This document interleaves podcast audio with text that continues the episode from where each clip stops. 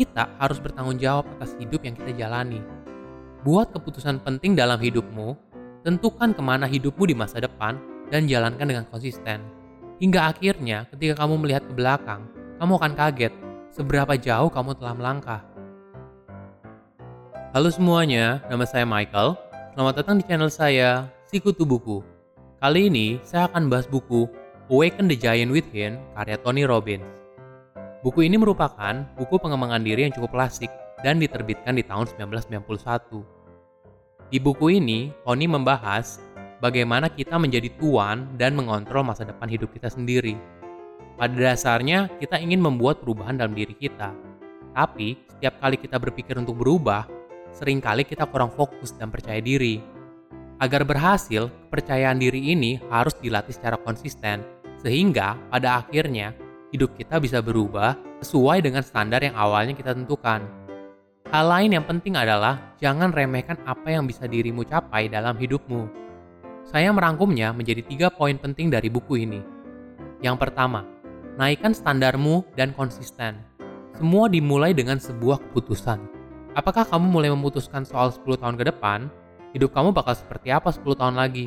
Jika kamu tidak memulai untuk mengambil keputusan, Ibaratnya, kamu membiarkan nasib menentukan hidupmu. Langkah awal adalah buat minimal standar hidup yang bisa kamu terima saat ini. Setelah itu, tentukan hidup kamu ingin seperti apa di masa depan. Jika kamu ingin mengurangi berat badan atau meningkatkan keuanganmu, maka buatlah keputusan yang jelas dan komitmen untuk mencapainya harus dimulai saat ini. Buat kondisi pikiranmu dalam keadaan mendesak untuk memaksa dirimu segera memulai tindakan kita yang konsisten akan membentuk hidup kita seperti apa. Apabila kita sudah menetapkan 10 tahun lagi kita akan menjadi apa, kita harus konsisten. Sederhananya, keputusan yang kita ambil hari ini berdampak pada hidup kita di masa depan. Mungkin jika dilihat per hari, tidak begitu terlihat banyak perubahannya. Tapi, konsisten tindakan ini akan mulai terlihat dalam periode waktu yang lebih panjang, seperti mingguan, bulanan, hingga tahunan. Contohnya kayak gini, ada orang kaya punya banyak harta, tapi malah tersangkut kasus narkoba. Ini semua karena pilihan yang mereka ambil. Kasus lain, ada orang yang lahir tidak berkecukupan, tapi akhirnya bisa jadi miliarder. Ini juga karena keputusan yang dia ambil dan konsisten untuk mewujudkannya. Kedua, ubah pandangan sempitmu. Apakah kamu ingat, dulu kamu pernah yakin banget soal suatu hal. Tapi ternyata sekarang malah kamu malu karena kamu salah. Nah, apa sih yang terjadi waktu itu?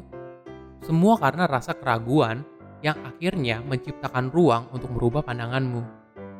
Tony menceritakan kisah Hulda Cooks, seorang wanita yang sukses mendaki Gunung Whitney sebanyak 23 kali dari umur 65 tahun hingga 91 tahun. Sebagai informasi, Gunung Whitney memiliki tinggi sekitar 14.500 kaki, atau setara dengan setengah dari gunung tertinggi di dunia, yaitu Gunung Everest.